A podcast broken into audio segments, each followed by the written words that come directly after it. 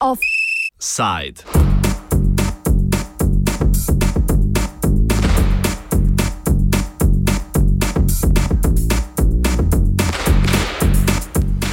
Pozivi Evropske komisije o krepitvi finančnih prispevkov pri soočanju z begunsko krizo. Mačarski premijer pred vrhom EU spregovori o srečanju Krščanske socialne unije. Slovaška napovedala vložitev tožbe zaradi sistema razporeditve kvot.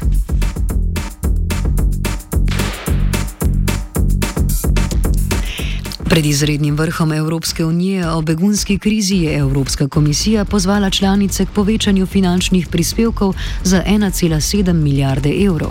Komisar za evropsko sosedsko politiko Johannes Hahn je dopoldan povdaril, da je treba okrepiti sklad za pomoč Siriji in sosednjim državam, zlasti Libanonu in Jordaniji.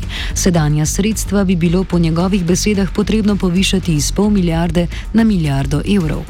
Finančno pomoč bi bilo potrebno okrepiti tudi Turčiji. Po predlagani schemi bi se prispevek zvišal na milijardo evrov v naslednjih dveh letih.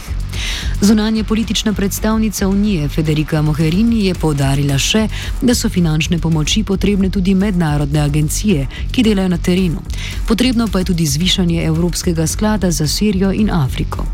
Podpredsednica Komisije za proračun in človeške vere Kristalina Georgijeva je še sporočila, da je potrebna krepitev zmogljivosti Evropske agencije za zunanje meje Frontex in Evropskega azilnega podpornega urada EASO.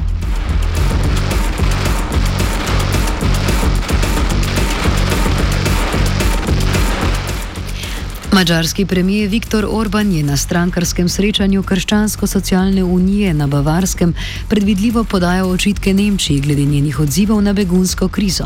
Nemški kanclerki Angeli Merkel in njeni vladi je očital moralni imperializem in povdaril, da naj odločitve nemške vlade veljajo zgolj za Nemčijo. Orban je pred današnjim vrhom EU predstavil tudi svežen zahtev. Med drugim je predlagal, da naj države članice financirajo 3 milijarde evrov vreden program Unije unije za obvladovanje begunske krize. Prav tako naj se denar porabi za zaščito zunanjih meja EU. Poleg tega je Orban povdaril, da naj pri nadzoru grških meja sodelujejo tiste članice unije, ki so pripravljene na to pod pogojem, da sodeluje tudi Grčija.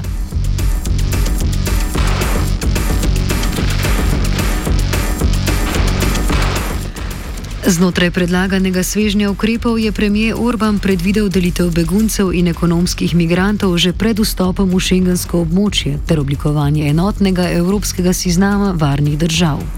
Povdaril je še, da bi bilo potrebno za obvladovanje trenutnih razmer tudi posebno partnerstvo s Turčijo ter ponovni razmislek o odnosih z Rusijo. Nepresenetljivo je mačarski premijer zavrnil možnost kvot za prerasporeditev beguncev po državah. Slo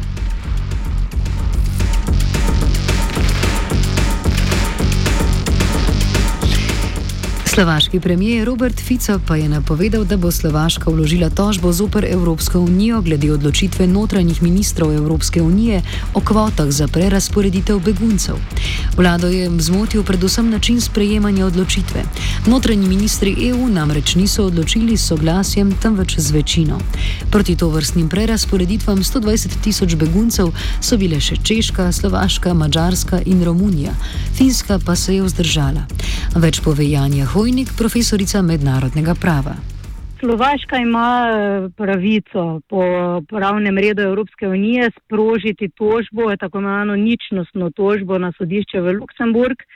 E, verjetno bo e, eden od argumentov tudi ta kvalificirana večina oziroma da ukrep ni bil sprejet soglasno, vendar pa z Lizbonsko pogodbo pa že pra, prej, pravzaprav zadnjih deset let imamo ureditev, kjer za to področje eh, azila, torej na splošno, ne, velja eh, eh, večinsko odločanje v svetu, ne, oziroma od Lizbonske pogodbe tudi za ta konkreten odstavek 78. člena pogodbe o delovanju Evropske unije velja eh, večinsko odločanje, kar pomeni, da ne takoj, mogoče se sliši malo pravniško zaguljeno, ne, eh, razlagati, neka Lizbonska pogodba je spremenila na nekem področju odločanja soglasnega v večinsko, vendar v praksi to pomeni, da je država članica izgubila suverenost na tistem področju. In Evropska unija je v številnih vidikih posebna mednarodna organizacija v tem pogledu, da je večinsko odločanje danes v Evropski uniji prevladujoče odločanje. Ne? Preko 80% primerov eh, države članice v svetu odločajo z večino, kar pomeni, da si lahko preglasovan. In tisti ukrep, ki je potem sprejet tebe, vseeno, ne tudi tisto državo članico, ki je glasovala proti nekemu ukrepu Evropske unije, prav tako zavezuje.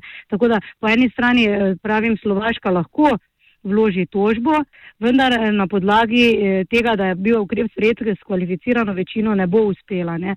Pa tudi drugi vidiki so v pravu Evropske unije, ki, ki jih te države, ki nasprotujejo eh, kvotam oziroma delitvi bremena kršijo. Ne samo mednarodno ženevsko konvencijo, ki določa obveznost delitve bremena pri beguncih, ampak imamo tudi v pravo EU načelo solidarnosti zapisano v pogodbi, imamo načelo lojalnega sodelovanja med državami in jaz mislim, da bi sodišče Evropske unije eh, zavrnilno odločilo eh, glede tožbe eh, Slovaške.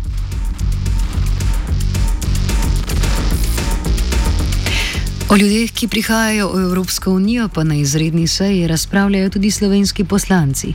Na seji so se poslanci seznanili s poročilom o ugotovljenih varnostnih vidikih aktualne begunske krize in ilegalnih migracij, ki pa je zaupne narave.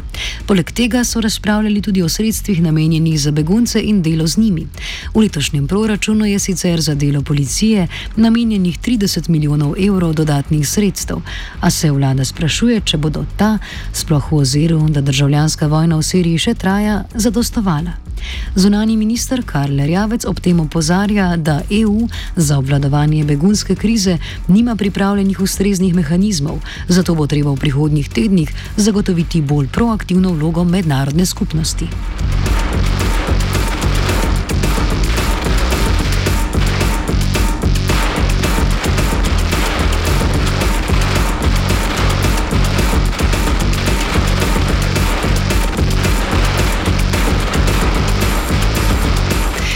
Offside je pripravila aktualno politična redakcija. Offside.